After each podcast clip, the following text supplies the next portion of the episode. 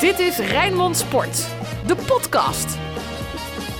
Ja, goeiedag. Fijn dat je weer luistert naar een nieuwe podcast Feyenoord. Daags natuurlijk naar die klinkende 4-1 zege op NEC. Of uh, overdrijf ik daarmee, uh, Sinclair? Als je heel kritisch bent, en uh, soms moet je kritisch zijn, dan was het maar 4-1. Maar 4-1. Sluit jij je daarbij aan, Dennis? Vind jij, vond jij het ook maar 4-1? Nee, ik vond het een prima wedstrijd van Feyenoord. Zeker de tweede helft. Maar ook de eerste helft vond ik helemaal niet zo, zo slecht. Het oogde wel wat kwetsbaar af en toe op, op de counters. Maar ja, ik vond Feyenoord heel de middag de baas. Ik ben nooit echt nerveus geweest dat ze niet zouden, niet zouden winnen. En als je dat doet een week na een weekend waarin, uh, waarin alles tegen zat, dan ben ik dik tevreden. Nee, ik zeg het met een lachen. En dat heeft ermee te maken dat Feyenoord toch weer zoveel 100% kansen mist. En natuurlijk kansen missen hoort bij voetbal. Maar ik vind dit seizoen dat het bij Feyenoord wel heel erg overdreven wordt. Hebben jullie wel genoten van Feyenoord? Zeker. Tweede helft zag ik echt een Feyenoord dat we ook hebben gezien bij Herenveen. Dat je denkt als Feyenoord dit niveau kan aantikken uh, waar een tegenstander echt helemaal niets te vertellen heeft, ja, dan kan Feyenoord hoge ogen gooien. Maar goed, helaas zien we ook wel eens Feyenoord, uh, zoals vorige week tegen Vitesse, dat dan toch ook het niveau aantikt. Dat je denkt, ja, dat hoort niet bij een, uh, bij een club die echt pretendeert toch mee te willen doen om de titel. Rood, wit, bloed, zweet. Geen woorden maar daden. Alles over Feyenoord. Sinclair, volgens mij speelde Feyenoord gisteren vooral een ijzersterke tweede helft. Maar Arne Slot zag dat iets anders, geloof ik. Nou ja, we hadden eigenlijk in mijn eerste vraag uh, ja, interpreteerde hij mijn vraag volgens mij anders. Ik zei, volgens mij hebben we een Feyenoord gezien met twee uh, gezichten. Eerste helft matig, tweede helft gewoon uitstekend. En hij zei, nee, ik heb een Feyenoord gezien dat de hele wedstrijd dezelfde intentie had. Ja, dat, dat, heb ik ook gezien. Een Feyenoord dat inderdaad gretig was, binnen een minuut al een hele grote kans kreeg. Alleen de eerste helft was de uitvoering gewoon matig. was het tempo ook te laag. En hielp Feyenoord NEC in het zadel door gewoon, uh, ja, bijvoorbeeld ook bijvoorbeeld bij het goal van Kukshoe niet adequaat erop te zitten. In de tweede helft zat Feyenoord op iedere bal. Uh, we zagen dat de counters weggegeven werden. corners in de eerste helft die gewoon matig werden genomen. Dus de uitvoering in de eerste helft was gewoon matig. En de tweede helft was de uitvoering goed. En inderdaad wel een Feyenoord dat eigenlijk vanaf minuut 1 uitstraalde van we kunnen weer druk zetten en we kunnen de tegenstander bij de slot pakken. Heeft Dennis ook een Kukje zich volgens jou optimaal herpakt? En dat hij zich bij die, de 1-0 van NEC natuurlijk wat makkelijk liet aftroeven? Nou, je valt natuurlijk op hè, als je twee keer scoort. En Kuksje doet dat voor het eerst in de Eredivisiewedstrijd. Twee maken, eentje vanaf de stip en een prachtig met die zwammer erin. Die curve was heerlijk en helemaal bewust bij de belangrijke uh, 2-1 die Feyenoord maakte waarmee het op voorsprong kwam. Dus ja, daarmee laat je jezelf zien. ik vond hem in, in de tweede helft echt wel weer sterk spelen. De eerste helft vond ik hem ondanks die strafschop die hij benut, vond ik hem juist uh, een van de mindere spelers bij Feyenoord. Toch iets te veel balverlies. En uh, ja, dat moment waarbij hij zich af laat troeven met, met Schöne. Misschien moet Geertruida hem überhaupt niet zo in de problemen brengen door die bal daarheen te koppen. Maar dat moet je in een split second beslissen.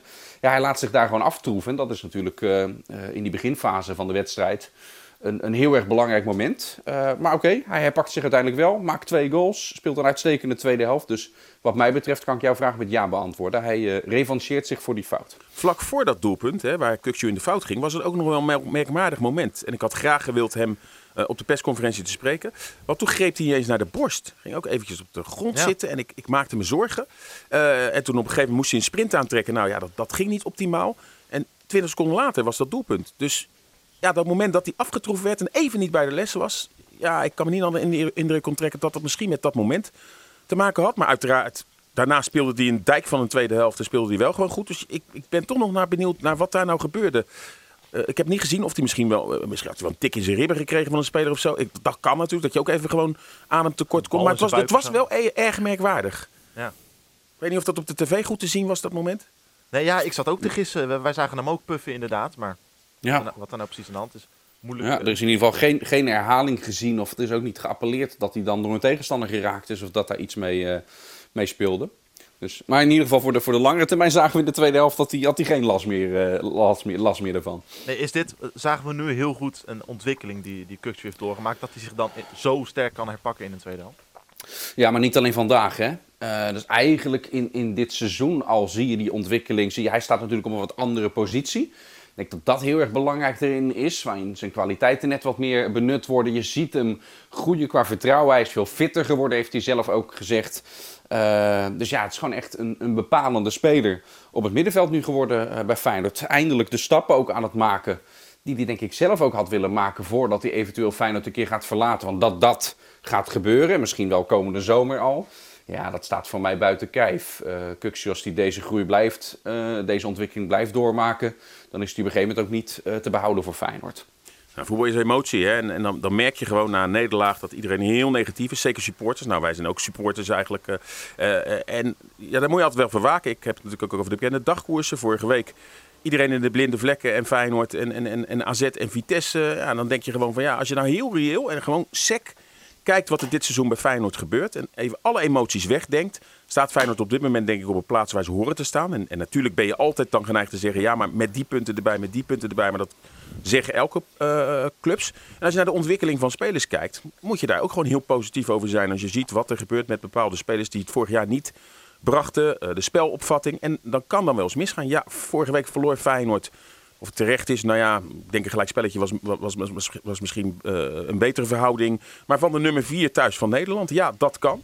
Zoals uh, diezelfde nummer 4 ineens weer thuis van Groningen verliest. En ja, uh, we moeten altijd mee waken dat je ook spelers... Want heel veel spelers kregen toen ook wel ook bijlo met, met die fouten. En natuurlijk worden er dan fouten uitvergroot van, van voor de winterstop. En Senesi heeft een fase gehad waarin hij wat fouten had. Maar dat wordt ook bij de eredivisie. En als je gewoon sec alles wegdenkt over een heel jaar... denk ik dat Feyenoord met heel veel spelers die zich ontwikkelen... ook verrassingen hebben met, met Uisnes. Nou ja, we gaan straks over de Speler van de Week hebben. Nou, dan krijg je bij deze al een briefje. Want die zie je helemaal niet. Heeft bij geen enkel doelpunt misschien zijn bijdrage. Maar ja, ik kan wel zo genieten als je die speler op het veld uh, uh, aanwezig ziet. En als je de ontwikkeling ziet, natuurlijk zitten er altijd in een elftal zitten er wat, wat, wat, wat negatieve of wat spelers die teleurstellen. Jaan Baks, gisteren, gaan we het ongetwijfeld ook hebben, heeft hij dan wel zijn waarde. Maar al, over, al met al denk ik dat gewoon heel Nederland, iedereen trots moet zijn hoe Feyenoord zich presenteert. En of je dan derde gaat worden, tweede. Of eventueel, wat ik niet verwacht, dat Feyenoord erin stort en dat we zijn vierde zullen worden uh, daar gelaten, zie je toch volgens mij een Feyenoord uh, dat in heel veel wedstrijden de betere is. Dat heel veel kansen creëert, leuk voetbal speelt en de meeste wedstrijden terecht wint. Ja, wat het vorige week, uh, zei jij natuurlijk naar de wedstrijd tegen Vitesse, terecht. Feyenoord moet nu naar beneden gaan kijken. Is het dan nu heel opportunistisch om nu dan weer te zeggen, Feyenoord kan weer naar boven kijken? Nee, we hebben gezegd, nu Feyenoord verloren heeft, is het nu niet reëel om, en dat was wel gewoon hè, na de winterstop, zeker op basis van wat je bij Herenveen zag, uh, uh, om wel op Ajax en PSV te letten. En die moet je nu even laten gaan, hebben we toen gezegd. En met de reeks die Feyenoord krijgt, met NEC erbij, maar ook met Cambuur thuis, met Sparta thuis, met RKC uit, zou je er echt wel weer bij kunnen komen. En we hebben het ook al eerder in dit seizoen gehad. Mocht Feyenoord nou tweede worden dit seizoen, hè? Uh, tuurlijk, je wil kampioen worden. En, maar dat zou toch een geweldige prestatie zijn, want de achterstand op Ajax en PSV, die kan je toch niet in één of twee jaar inlopen. Dat moet geleidelijk gaan op alle vlakken. En de stappen die Feyenoord de laatste maanden heeft gezet in alles, of het nou een jeugdopleiding is, in scouting, in, in het voetbal dat ze spelen, die, die stappen zijn toch groot. En daar hoort ook wel eens bij dat je misschien op bepaalde uh, uh, aspecten ook wel weer een stap terug gaat doen. Maar al met al zie je wel een Feyenoord in de lift naar boven zit, volgens mij niet naar onderen. En, en dat is een ontwikkeling die ik toejuich. Was jij het Dennis met Slot eens, die na afloop op de persconferentie heel duidelijk aangaf dat hij eigenlijk het hele seizoen al een, een sterk reagerend Feyenoord ziet. Dat na een nederlaag er altijd zo'n sterke reactie volgt. Nou ja, dat, uh, dat wijzen de feiten ook uit. Hè? Uh, dat Feyenoord, als het dan een keertje tegen een zeepert aanloopt... en die zijn er dit seizoen echt wel, wel geweest een paar keer, of een nederlaag in ieder geval... Uh, dat Feyenoord de wedstrijd daarna weer staat. En ook binnen wedstrijden. nu poetst Feyenoord ook een 1-0 achterstand weg. Uh, in de Kuip kwam het op achterstand tegen NEC. Nou, er zijn er meer voorbeelden. Cambuur uit. Uh, dat er gewoon hele uh, vechtlust in dit team zit. Hè? Feyenoord, dit Feyenoord weigert te verliezen, weigert op te geven. Ja, dat is natuurlijk een enorme kwaliteit om in een elftal te zien. En uh, Slot wil dat graag blijven zien. Dus logisch dat hij dat even als compliment richting zijn ploeg geeft na deze, deze wedstrijd. Is dat gevoelsmatig bij jullie ook een ding? Want ik heb persoonlijk dan heel erg vergelijk met vorig seizoen. Als je dan 1-0 achterkomt bij NEC, had je vorig seizoen iets van... Oh, daar gaan we weer. Nu heb je zoiets van, nou... Hmm ik zie het nog wel goed komen. Ja, dat vertekent een beetje over vorig seizoen. Want uh, in de eerste seizoen zelf, en überhaupt onder advocaat, zat dit er ook altijd al heel erg in bij Feyenoord. Hè? Daar hebben we ook vaak en lang over gezegd. Dit team weigert te verliezen. Het is een elftal waar je maar heel moeilijk van, uh, van, van, uh, van kan winnen. Van, van Feyenoord. ja, het is die tweede seizoen zelf onder advocaat op een gegeven moment. En daar hebben we het in deze podcast vaak genoeg over, over gehad voelde je en merkte je al van ja, eh, het is op. Hè? Sinclair noemde dat, volgens mij was dat rondom Twente uit dat jij dat voor het eerst benoemde, Sinclair, van ja, de geest is uit de fles. En, en dat, dat merkte je een beetje. Ja, toen was dat ook weg. Uh, toen gingen de kopjes wel sneller hangen bij een achterstand. En ging die vechtlusten wat meer uh, uit om de boel nog kosten wat kost om te buigen. Maar lange tijd, ook in vorig seizoen, in de eerste seizoen zelf, heeft Feyenoord dat wel degelijk uh, gehad. Dus er zijn ook wel wat spelers gebleven ja, dat zit gewoon in het karakter van deze ploeg, in het karakter van deze club ook. En dat vind ik een, een positieve eigenschap. Ali Reza Jouwenbak Sinclair, je noemde hem net al even. Wat vond je van zijn, uh, van zijn spel? Nou ja, buitenspelers worden gewoon beoordeeld op rendement. Uh, en rendement gisteren bij Wies Nelson aan de linkerkant, later natuurlijk wel door Sinistera vervangen, was niet heel. Uh, en aan de andere kant heeft hij rendement gehad. Zo willen we hem zien. En dan mogen er ook acties mislukken. Maar in de eerste helft zag ik echt een speler die nog steeds worstelt met, het, uh, met, met vertrouwen. Hè. De eerste actie was echt dramatisch, bijna een tegendoelpunt. En had nog wel een paar van die acties. En ook uh, de eindpas ontbrak. Maar had ook wel een paar hele goede dingen. En uh, ja, dit ik kan wel een opmaat zijn nadat hij wel weer zijn vertrouwen uh, terugkrijgt. In ieder geval de dingen gaat doen die hij moet doen. Het leek ook de laatste weken, maanden ook wel wat geforceerd. Nou, zelf in een interview geeft hij ook aan dat hij het wel onderkent, maar dat hij ook wel denkt dat hij er wel weer gaat komen. De trainer heeft veel vertrouwen in hem, vandaar dat hij in dit soort wedstrijden voor hem kiest. Dus ja, dat het goed gaat komen met die jongen, ja, daar geloof ik wel in. Alleen ja, je wil wel zo snel mogelijk. En hij heeft natuurlijk ook een geduchte concurrent nu echt bij hè, op die uh, uh, rechterkant. Met, met die, die eraan komt. Misschien dat dat er ook wat met hem doet. Omdat Toornstra toch een, een, speler is die dat anders invult. Al heeft hij hem natuurlijk ook vaak vervangen. Maar nee, dit is de Jaanbaks die je wil zien. Die ja, beslissend is. En dat was hij met en een doelpunt en een penalty die veroorzaakt. En ook nog een, een bal voor. Ben jij het Dennis met, met, met Slot eens die zegt dat hij eigenlijk sinds uh, eind vorig jaar, die wedstrijden tegen Herenveen en Twente, dat hij sindsdien al een stijgende lijn ziet bij Jaan Baks? Ja, omdat er qua, als het gaat over rendement bij buitenspelers, en daar ben ik ook heel erg van, wordt er uh, tegenwoordig heel vaak alleen nog maar naar de goals uh, gekeken. Dat doe ik niet op jou, Sinclair, maar meer in, in zijn algemeen. terwijl assists is natuurlijk ook een vorm van rendement. Misschien nog wel een belangrijkere, waar je bij buitenspelers op moet letten. En als je gaat turven hoeveel uh, assists Jaan ook zijn ontnomen in die wedstrijden waar jij nu op doelt. Want dat, die heeft gewoon pamklare voorzetten gegeven. Dat had anders qua rendement bij hem meegetikt. En Slot kijkt daar natuurlijk wel naar. En Vitesse thuis was natuurlijk een hele slechte wedstrijd van hem. Maar gisteren vond ik Jaan Baks. Het eerste kwartier inderdaad was, uh, uh, was niet goed. Toen mislukte er weer een paar acties. En ook nog op een moment waarbij hij hele gevaarlijke counters in gang zette. Maar hij, zet ook, uh, hij geeft ook Linse de kans een paar keer om, om te scoren. En dat gebeurt dan niet. Dus die assists tellen dan niet mee. Ja, ik ben heel blij voor hem ook dat hij zelf dat doelpunt maakt. Volgens mij snakt hij daar lang naar, omdat daar met rendement toch het meeste naar gekeken wordt. Maar ik, ja, heb het altijd wel begrepen waarom Slot vast blijft houden aan, aan Jaan Baks. En dat hij al het stempel miskoop zelfs krijgt. Hè? Dat heeft Harry van der Laan in FC Rijnmond bij ons ja. gezegd. Ja, dat vind ik, vind ik veel te ver gaan. Jij, jij hebt er mij gisteren ook, hè, Jesse? Ja. Dat je zegt van, uh, oh, de, hij blijft, de miskoop blijft hij opstellen. Waarbij ik gekscherend... Met, met, met, met, een knipoog. Ja, ja, met een knipoog. Waarbij ik gekscherend met een knipoog naar jou terugstuurde. Uh, Nelson is toch een huurspeler? Ja. Uh, omdat, nee, als het nou gaat, wat ik daarmee bedoel... Als het nou gaat om uh, kritisch kijken naar buitenspelers en rendement en hoe doen ze het... krijgt Jaan Baks heel veel kritiek. Terwijl die blijft het proberen en dan mislukt er heel veel die blijft er wel voor gaan. Dat vind ik een hele goede eigenschap voor een buitenspeler. Elia had ook zoiets. Er konden er acht acties mislukken. En de negende was een beslissende assist. En nu weet ik, die was wel echt in grootste vorm in dat kampioen zijn het jaar ervoor bij Feyenoord. Hè. Dat is bijna niet aan te komen, het rendement dat hij had. Maar Jaan Baks heeft wel ook die, die drive en blijft doorgaan. Terwijl Nelson al meerdere wedstrijden nu ja, in het begin probeert hij al wat, maar als het mislukt, daarna is hij ook gewoon grote delen van de wedstrijd onzichtbaar. Ik vind dat nog heel erg tegenvallen. Maar, en als je nou een buitenspeler kritisch gaat bekijken, en ik weet hij is veel jonger, maar dan had ik verwacht dat er eerder kritiek is op wat Nelson presteert dan op wat Jaan Maar presteert. je weet hoe het werkt, Dennis. De lat ligt gewoon bij iedereen, omdat we weten wat hij kan. En je ziet hem worstelen. Ja. Uh, ligt de ja. lat gewoon bij uh, Jaan Baks die ligt hoger dan bij, bij Nelson. Ik bedoel, als die acties die uh, gisteren werden gemaakt door Wooyenmarkt, dan zou iedereen zeggen: Zo, wat een geweldige speler heeft Feyenoord nu binnengehaald. Wat een, ja. ja hè, wat een openbaring. Met, met, met, ja, zo belangrijk gelijk voor Nelson. Daar wordt er zo naar gekeken. En, en we weten ook dat hij meer kan. Dat weet hij zelf, dat weet iedereen. En daarom uh, wordt er zo naar gekeken. Maar inderdaad, het, het, het stempel miskoop vind ik iets te, uh, te makkelijk en te snel. Al heb je wel soms bij spelers van, nou ja, dat past misschien nou eenmaal niet bij Feyenoord. Dat heb ik overigens niet bij Jaan Baks. Die overigens ook wel goed begonnen. Hè? bedoel, eh, toen hij binnenkwam, de eerste wedstrijd ook in die Conference League, Ja, scoorde ja, hij ook twee keer tegen Lucerne. Eh, en toen had je echt wel zoiets van, nou ja, deze jongen die eh, eh, gaat echt wel een meerwaarde zijn. Hij werd eigenlijk ook een beetje als de grote aankoop gehaald. Ja, hè? dat, dat is het toch. Dat is wat, wat, wat Dennis zegt. Waarom kijken we niet naar, niet naar Reece Nelson? Maar dat is toch omdat Ali Reza Jahanbaks de grote aankoop was. De opvolger van. Berghuis moest worden. En we weten dat hij topscorer van Nederland is geweest. Dat alles bij elkaar. Absoluut. En kijk, dat kan ook niet helemaal weg zijn. Hè? Dus eh, ik begrijp wel dat Slot hem het vertrouwen blijft geven. En eh, nou, goed in de wetenschap, goed om te weten dat daarachter nu wel gewoon serieuze concurrentie is. En dan is het gewoon wel gewoon de beste moet spelen. Dus het is aan Jaan Baks nu om eh, te bewijzen of hij tot het eind van het jaar basisspeler wordt en blijft. Of dat hij straks eh, voorbij gaat, eh, gelopen gaat worden voor, door uh, Wallenmark. En ik kan me ook wel voorstellen in bepaalde wedstrijden, neem straks misschien Ajax uit, AZ uit, dat je misschien wel weer met Toornstra aan die rechterkant gaat spelen. Ja, dat, Heeft Slot ook wel gezegd eigenlijk, hè? Want gisteren werd hem ook gevraagd van, joh, waarom Jaanbaks nog, maar ook in de kanttekening, uh, waarom geen Toornstra? Want die zit, die zit nu gewoon op de bank. Uh, en eigenlijk, buiten die wedstrijden die jij nu opnoemt, uh, Sinclair, heeft Slot daarin heel helder uitgelegd. Ja, tegen dit soort tegenstanders, die een, die een muur neerzetten achterin, uh, met vijf man ook regelmatig.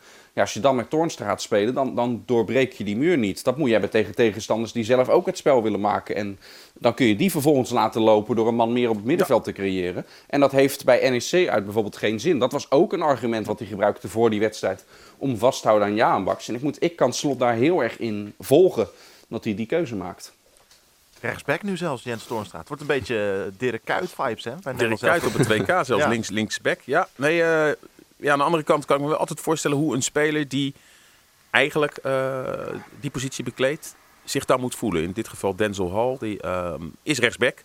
Nou ja, uh, uiteindelijk kreeg hij later in de wedstrijd, toen de wedstrijd echt gelopen was, wel zijn uh, kans en dus zijn, uh, zijn debuut. Maar ja, dat vind ik dan altijd wel pijnlijk. Want dan heb je, laat je toch zien dat je niet helemaal vertrouwen hebt. Eigenlijk heb je natuurlijk een selectie waarin duidelijk moet zijn, nou, als de rechtsback 1 er niet bij is, dan komt rechtsback, rechtsback 2 en daarna positie 3.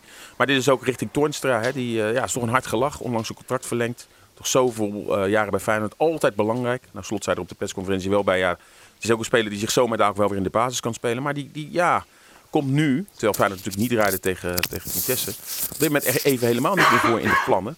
En uh, nou, we zullen het daar ongetwijfeld nog hebben over uh, eventuele middenvelden die erbij gaat komen. En dan kan je ook wel denken van, nou ja, je, hebt, je hebt op dit moment middenvelden zat.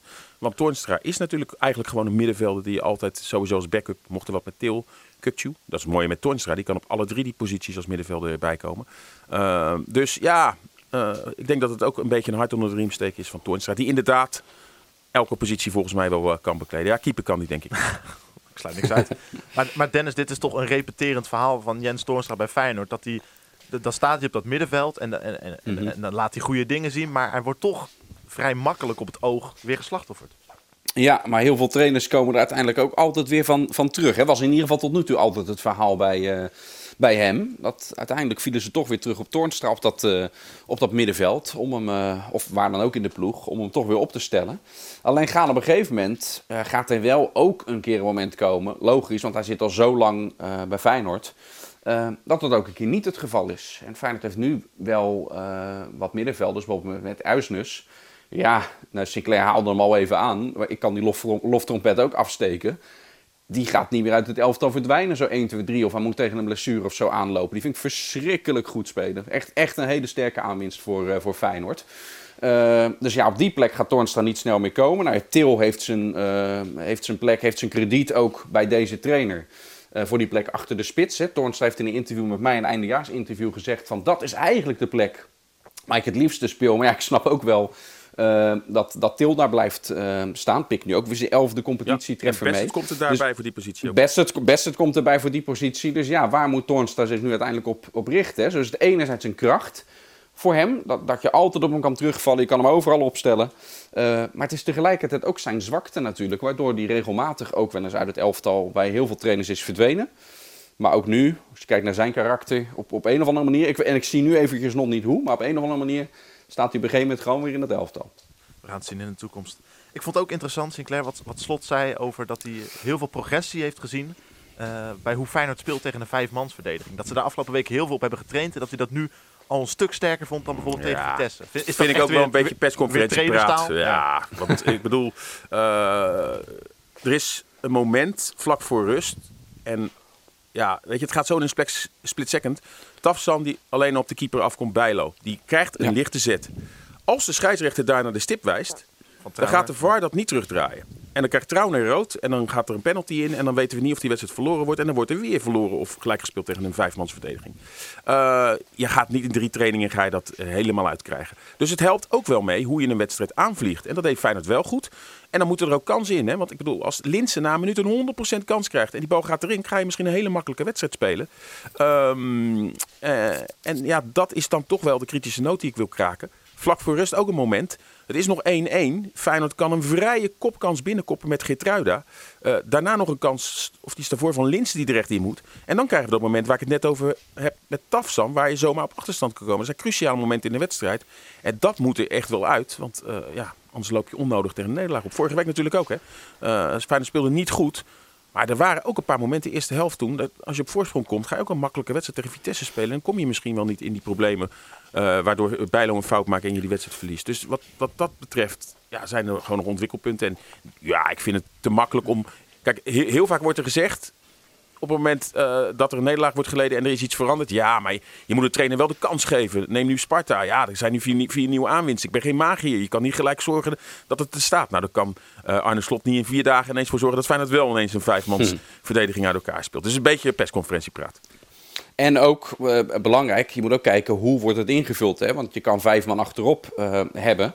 Eh, waar Feyenoord volgens mij vooral moeite mee heeft, is, is als de tegenstander dan veel meer de lange bal hanteert. In plaats van opbouw richting het middenveld. Want daar moet Feyenoord van hebben. Dan kan het vroeg storen. Dat kon het nu tegen NEC. Want die bleven wel ook wat naïef op een gegeven moment in de tweede helft. Toen je al door had van dit werkt niet tegen dit Feyenoord. Bleven ze opbouwen. Hè? Bleven ze over de grond kaatsen. Nou, dat is voor Feyenoord ideaal. Konden ze druk zetten op het middenveld, bal afpakken. En steeds meer in hun eigen spel komen. Terwijl Vitesse, maar vooral Twente bijvoorbeeld, was ook zo'n wedstrijd. Het ging niet eens zozeer om hoeveel mannen ze achterin hielden. Maar ze sloegen steeds dat middenveld over, ook in hun eigen opbouw. Waardoor Feyenoord niet dat spelletje met bijvoorbeeld Til eh, kon spelen. Ga, ga maar kijken. Welke wedstrijden, wanneer was er nou kritiek op Til? Eh, dat waren precies die wedstrijden waarin hij dat niet kon doen. Hij kon niet dat startsein geven tot een collectief druk zetten. Omdat het middenveld door de tegenstander een beetje wordt overgeslagen. Wat was er met Brian Lins aan de hand? Of is dit gewoon Brian Linsen? Dat Dit is Brian Linsen. Want eh, ik vind hem wel weer heel belangrijk bij de 2-1. Hè? Dat ziet dan niemand. Maar die paas die hij onderschept van Verdonk. Ja. En waardoor Kukçu die bal van afstand binnenschiet. Ja, dat is de, qua werklust zorgt hij er ook wel voor dat het elftal zoveel gif heeft. Eh, alleen ja, hij mist wel heel veel kansen. En soms scoort hij ballen dat je weer denkt van... eh, nou ja, scoort je deze bal? Had ik niet verwacht. En juist, hij hij heeft wel moeite met 100% kansen. Maar ja, hij zal zeggen... Jongens, als ik die ook nog had gemaakt, stond ik nu al op 35 of 40. Eh, want hij heeft dit seizoen al aardig wat echte 100% kansen gemist. En eh, vaak ook op cruciale momenten. Maar het is wel eh, een speler, ja, de persoonlijking ook, denk ik, van dit Feyenoord onder Arne Slot. Met heel veel energie, met heel veel gif. En, en hij pikt, ja, laten we ook eerlijk zijn, hij heeft er gewoon op dit moment ook gewoon 11 in liggen. En die tandem met Til, die er ook 11 heeft in liggen, die werkt natuurlijk gewoon geweldig. Dus ja, en Dessers is op dit moment nou niet qua invalbeurten de Dessers die we aan het begin van het jaar hadden, die echt aan de deur klopt. Dat je nu die discussie zou voeren van nou oké, Linsen mist te veel kansen, dus Dessers. Dus ja, ik denk dat het, en dat is wel mooi, eh, dat het elftal op dit moment wel staat hè, bij Feyenoord. De elf kan je eigenlijk ook voor Sparta nu al invullen. Rinus Israël die, eh, was eh, gisteren op Radio Rijnmond nogal kritisch op Linsen. Die had het echt over, nog over ja, dat hij het meer ziet als noodinvulling en niet echt als, als, als de spits van Feyenoord. Ja, het meest Weet je, dat gaat blijven. Dat gaat blijven. Zolang je Linsen in de aanval hebt en je weet van hem, hij mist af en toe ook kansen. Ja, ik kijk er niet van op van gisteren. En ik vond dat ook helemaal geen slechte wedstrijd van Linsen. Omdat hij met al zijn ijver en Sinclair had heel terecht dat voorbeeld bij de 1-2 aan. Dat is echt een typisch moment waarbij hij dan ook zijn waarde heeft. Maar als we Linsen, zoals Rinus dan denk ik doet, blijven vergelijken met spitsen van weleer die Feyenoord ook heeft gehad op die plek. En dat zijn nogal wat grootmachten die daar hebben gelopen in het verleden. Ja, als je Linsen daartegen gaat blijven afzetten, dan kun je altijd iets vinden om kritisch op hem te zijn. Maar ik vind absoluut dat hij zijn waarde heeft voor, eh, voor dit elftal. Eh, en ja, hij mist af en toe wat kansen, eh, dat weet je. En als Feyenoord een spits kan halen die elke kans verzilvert... dan zal de club dat ongetwijfeld in de komende seizoenen ook, eh, ook doen. Maar vooralsnog eh, houdt Slot vast aan Linsen en eh, vind ik dat wel heel begrijpelijk. De Feyenoorder van de week. Nou, Sinclair, ik ben erg benieuwd wie jij als... Uh, ik heb geen idee. Nou, ik heb het al verklapt, hè. Uh, nee, Uisnes, uh, ja, weet je, nogmaals niet belangrijk in de zin van dat hij bij doelpunten betrokken is. Maar voetbalt zo makkelijk. Het is een genot om deze speler te zien. Ja, en dat mag niet meespelen. Maar als je dan ook nog eens weet dat die jongen eigenlijk nauwelijks wat gekost heeft.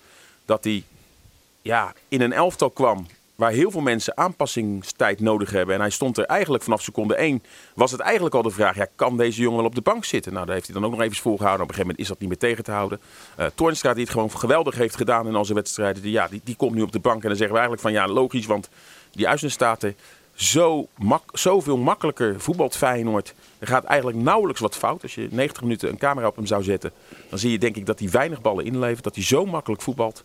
Ja, en laten we eerlijk zijn, daar hebben we er, er weinig van uh, gehad. Ja, Karim El Amadi was ook, ook zo'n speler. Waar, hè, die had ook nog wel iets meer, meer, meer, meer body en ook wel meer, meer, meer kracht. Maar dat was ook een speler die zoveel rust uitstraalde en met een bal dingen kon. Zeker in zijn tweede periode dat hij bij Feyenoord kwam. Maar uh, nee, Uisnes, uh, daar, ja, ik vind dat die jongen wel de credits moet krijgen. Uisnes, is, Frederik Uisnes. Is Uisnes eentje uit de categorie... Als je naar de wedstrijd kijkt, zie je Frederik Uisnes niet. Maar als je naar Frederik Uisnes kijkt, zie je de wedstrijd? Uh, ja, ik vind het heel, heel mooi gezegd. Kijk, uh, je moet oppassen met vergelijkingen. Uh, en, en dat zou je dan niet altijd. Maar ja, hij heeft iets waar Frenkie de Jong om werd geroemd. Hè? Die door een versnelling, door, door, door, door heel snel inzicht, bal op ijzer wegdraaien en ervoor zorgen dat het spel versneld kan worden. En net als met Frenkie de Jong heeft hij alleen qua scorend vermogen. En daardoor zien we hem ook niet vaak op een wedstrijdformulier staan. Maar een elftal, dit is wel de motor van het elftal. Je, je voetbal als elftal zoveel makkelijker met zo'n speler. In plaats van dat je, en dat heeft Feyenoord ook vaak op die positie gehad, spelers die vertragen. Uh, en alleen maar terugspelen, dus die oplossing voorwaarts niet zien. Dus uh, nee, uh, dit is echt een speler waarin Feyenoord nog heel veel plezier gaat, aan gaat beleven. De motor van het elftal, Dennis, dat zijn nogal woorden. Ja, maar volkomen terecht. Uh, hij staat ook natuurlijk in de as van het veld. Het is een sleutelpositie. Als een speler daar niet goed uh, invult, dan ga je dat meteen merken. Dan komen de verdedigers die heel slecht uit. Maar dat heeft ook echt te maken met die man die daarvoor staat en of die zijn uh, werk doet. En, en Uisten is wat dat betreft onzichtbaar misschien voor velen. Maar zo belangrijk in het heroveren van de bal. En vervolgens ook heel snel in een hoog tempo hem, doorspelen. Soms kaatst hij in één keer door, waar je, waar je ook de nodige spelers bij Feyenoord nog ziet... die altijd eerst een balletje moeten aannemen, goed leggen. Het baltempo is hoog bij hem. Ja, het is gewoon een hele sterke aanwinst en geweldig gescout door Feyenoord. Wie is jouw Feyenoorder van de week, Dennis? Ja, ik heb het al over hem gehad. Voor mij is dat Ali Reza Jaanbaks. Weet je, na alle bakken van kritiek. Nu een goede wedstrijd. En dat geeft helemaal geen garantie dat de volgende keer weer goed is. Dennis. Dat zeg ik al, hè? Dat zeg ik al, hè? Maar daarom is de Feyenoorder van de week en nog niet de Feyenoorder van de maand. Ah, dat moet nog blijken. Ja, deze maand zit er dan weer op, maar dat moet blijken straks in februari. Kinderhand is wel snel uh, gevuld. Eén voorzetje, een, een penalty veroorzaken. Hij schiet de bal erin. Ja, Bijlo met de assist. Dat was juist de assist. Ja, die, die maak jij ook. In, kinderhand bij jou is wel heel snel gevuld, Dennis. Zeker, zeker. Maar ja, je moet, uh, ik moet er eentje uitkiezen. En ik ben dan altijd, ik ben al, je weet mij, hè? ik ben voor de underdog altijd. Dus als iemand heel veel kritiek krijgt en dat doet het dan goed, denk ik, ja, dan geef ik, steek ik iemand een hart onder de riem. Zo, zo ben ik. In hoeverre denken jullie nou dat het bij Jaan Baks geholpen heeft uh, dat Patrick Wolemark nu op de bank zit? Ja, vind ik, vind ik moeilijk. We moeten het ook niet overdrijven. Hè? Ik bedoel, uh, nogmaals, als Feyenoord deze wedstrijd uiteindelijk uh, verliest door... Ja, binnen de eerste kwartier twee ballen die hij weggeeft, waar hij echt iets doet dat niemand eigenlijk weet wat hij moet doen, ja, dan kijken we ook heel anders naar deze spelen. En er waren ook echt wel weer wat voorzetten waarvan je denkt van dit had gewoon een doelpunt moeten worden als je wel ziet waar die bal heen moet. Maar ja, uiteindelijk dat penalty moment heeft er misschien over het dode uh, punt bij hem heen geholpen. Daarna vond ik hem inderdaad wat makkelijker spelen. En dan krijg je een doelpunt. Tweede helft moeten we ook eerlijk zijn. Hè? En, dat, en, en dat is, misschien is het hij wel zo spelen. Een goed draaiend Feyenoord, weet je, dat hij zich daar aan vast uh, aan, aan, optrekt. Maar je wil juist van dit soort spelers zien dat ze op het moment dat het niet loopt, dat zij juist de ploeg naar, aan de hand nemen. En ja, goed rijdt elf dan, dan deed hij inderdaad zijn, zijn goede dingen. En op dat moment was het ook wel, NEC lag er ook wel geslagen bij. Maar ja, tuurlijk, als, als, als hij elke week dit, dit gaat leveren, dan ga ik ook nog positiever naar hem kijken. Maar ik vond, ja, ik, wil, ik, ik, ik, had Malasia had ik ook niet gek gevonden. Als, als, die vond ik ook gisteren geweldig spelen. Aan de linkerkant bleef maar gaan. En uh, ja, er waren nog wel een paar voor mij uitblinkers uh, uh, achterin. Maar oké, okay, ik, ik houd op Uisnes en Dennis op Reza. Zit jij op een vliegveld, Dennis? nee, maar ik woon wel... Ja, we wonen allemaal in de buurt van, van een vliegveld, hè, als je in de Rijnmond-regio uh, woont. Ja, ik hoor de ene straaljager naar de andere passeren bij jou. ja, ja, nee, dat uh, die is niet voor mij, oh, in elk geval. Okay, jammer. Nog niet. Sinclair, jij gaat, uh, jij gaat later deze maandag met Cole Bassett spreken. De tweede winterversterking natuurlijk van Feyenoord. Er staat nog meer op de rol. Nou, dat weten we niet. Feyenoord is in ieder geval wel bezig natuurlijk in die laatste maand, uh, laatste week moet ik zeggen, om het elftal eventueel nog te versterken. Je weet nooit in zo'n laatste week of er ook nog getrokken wordt aan uh, spelers. Maar goed, er is natuurlijk wel aangegeven, ook door Feyenoord, dat ze, omdat er best wel wat spelers weg zijn gegaan, ook in de zomerperiode, maar nu ook in de winterperiode, dat daar wel wat uh, breedte versterkingen bij moeten. Liefst ook spelers die uh, uh, gewoon echt gelijk inzetbaar zijn. Nou, Feyenoord zoekt nog naar een linksback als backup voor Malasia. Ja, en Feyenoord hoopt uh, natuurlijk Hendricks te, te, strikken. Dat is dus een speler die voor de breedte op het middenveld erbij wordt gehaald. Nou ja, ik denk dat die positie minder nodig is als misschien toch nog wat voorin erbij. En zeker achterin op de linksback-positie. Ook gisteren zag je hoe karig werd nu Pedersen ziek was en Geertruida geblesseerd uitviel. Dus ik zou achterin naar een versterking uh, kijken. Maar ja, Feyenoord hoopt van Spartak Moskou de daar op een zijspoor geraakte Hendricks te gaan huren hè, voor anderhalf jaar. Ja, wat vind jij überhaupt van de kwaliteiten die Hendricks heeft? zie jij hem als voetballer graag naar Feyenoord komen? Ik vind, niet, ik vind hem niet bij dit Feyenoord passen. ik vind ook dat Feyenoord juist een goed beleid had met, met, met jonge spelers halen. En ook dit is dan weer een huurspeler. Uh, ja, ik heb liever dat daar een speler terecht uh, geposteerd komt te staan. Waar Feyenoord echt toekomst, de toekomst mee ingaat. Hè? En Feyenoord heeft natuurlijk ook wat jeugdspelers die eraan kunnen ruiken. En nogmaals, op dit moment, je hebt gewoon je middenveld staan met de drie die er nu staan.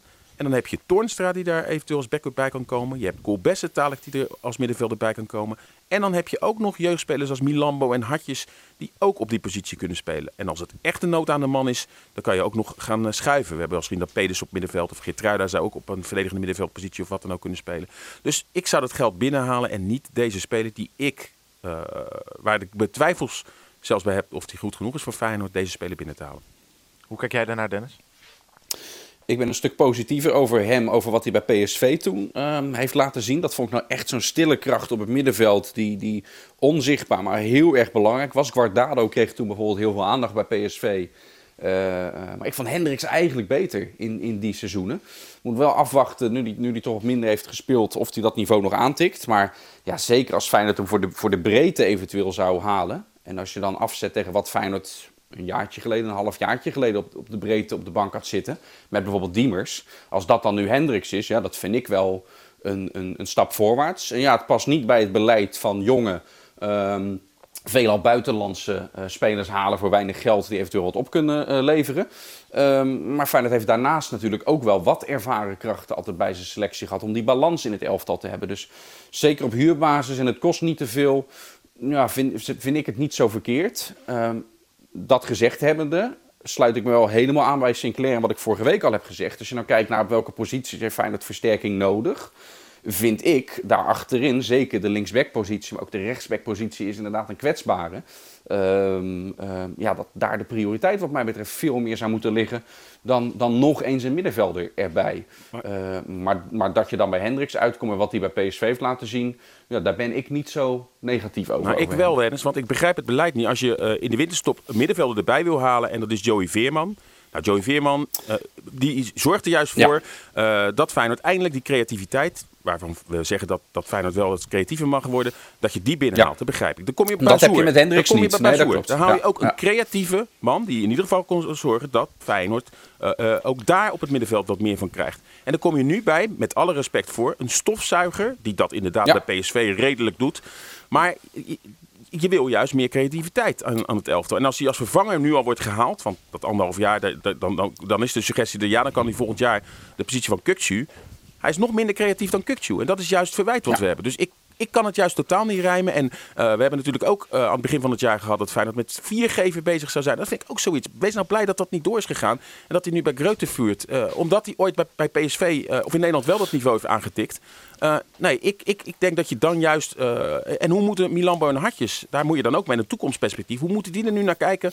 Dat je Cole Bassett gaat halen, ook gewoon een jeugdspeler uit Amerika. Dat je nu eventueel met Hendricks wil op het middenveld komt. Ik ja, jij bent heel positief, Dennis. En, en misschien. Ik nou, niet heel positief. Kijk, als je hierin. Uh, uh, hierin verschillen. Als hij gehaald wordt voor wat jij nu zegt, de plek van Kuksu, of waar Veerman voor beoogd was voor de creatieveling op het middenveld, dan ga ik meteen helemaal met je mee. Dan, dat, dat is Hendricks niet.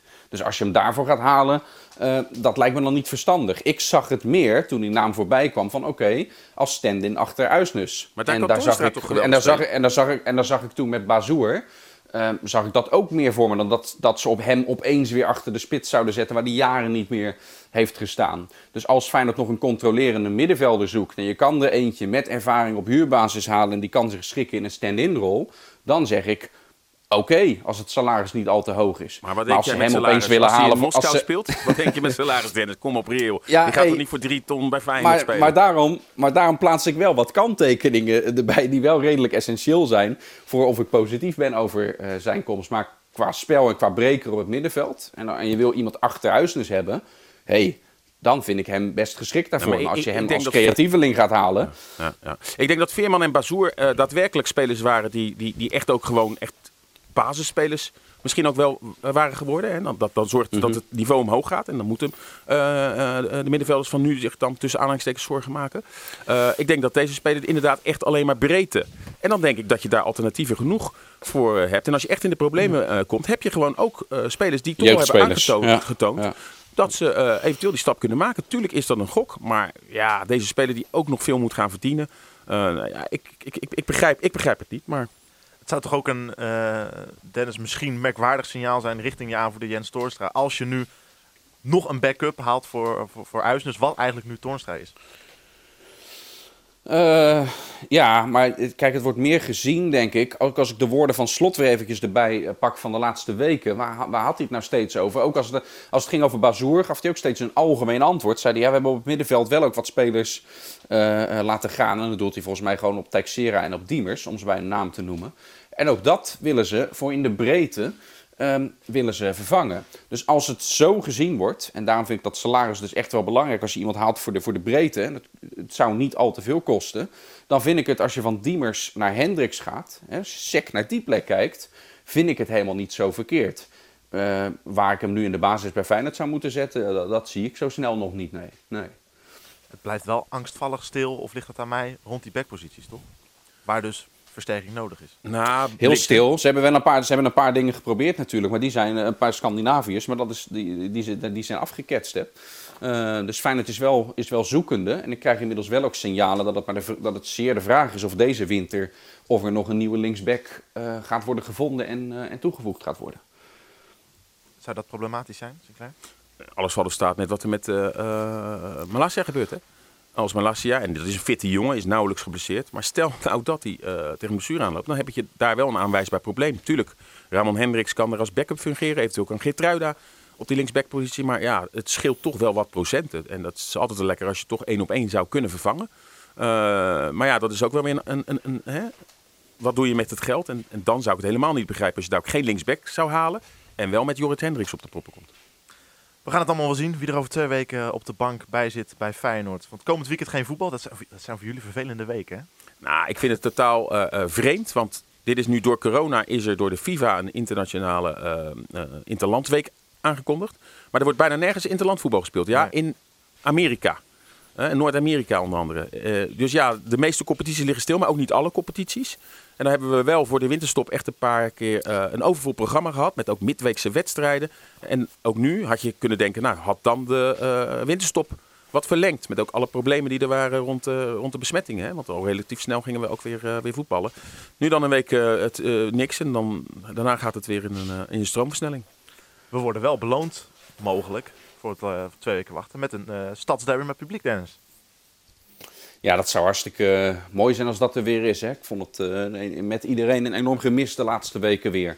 In die, uh, in die lege, sfeerloze stadions. Dus laat het maar, laat het maar lekker snel weer, weer gebeuren en zo, zo vol mogelijk wat mij ja. betreft. Ik, ik heb begrepen, ik heb met, met wat mensen gesproken, dat er wel wat scenario's klaar liggen. Ze weten natuurlijk niet wat er besloten gaat worden. Maar dat er publiek bij mag komen, dat, dat lijkt wel, wel zeker. Maar er zijn er wat scenario's of dat ook weer uh, gefaseerd gaat. Hè, met, met, met, met eventueel twee derde van het stadion. Maar ik heb ook begrepen dat er een scenario ligt, dat heeft de uh, bij de KNVB. Dat er dan besloten wordt tot het eind van het jaar geen uitfans. Eh, en dat is dan ook om een signaal te geven richting eh, het kabinet van oké, hè, qua politie inzet en et cetera, et cetera. Dat zou ik aan de ene kant wel heel erg jammer vinden. Eh, maar dat is een scenario wat boven het hoofd hangt. Dus tot het eind van het jaar worden er dan geen uitfans bij wedstrijden. Maar dat, dat, gaat, dat gaat toch niet het verschil maken wat betreft coronaregels? Dat je dan alleen- Reisbewegingen en toch ook politie inzet om supporters eh, uit elkaar te houden. Ik denk dat dat de over, eh, afweging is.